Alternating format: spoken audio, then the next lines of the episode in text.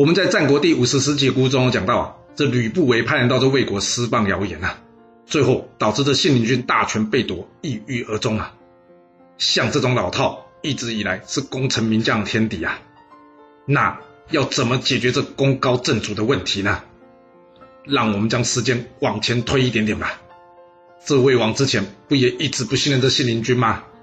然而，为何他同意将大权交给他呢？这是因为再不给他，魏国就真的可能要被灭了。是，功高不正主的前提就是这一个，你的被利用价值啊。只要能养住这个扣，或者是说痛点，那就没有功高的问题啊。所以千万千万千万记住啊！有时候敌人会是你最好的朋友，善用敌人，你才能对付小人啊。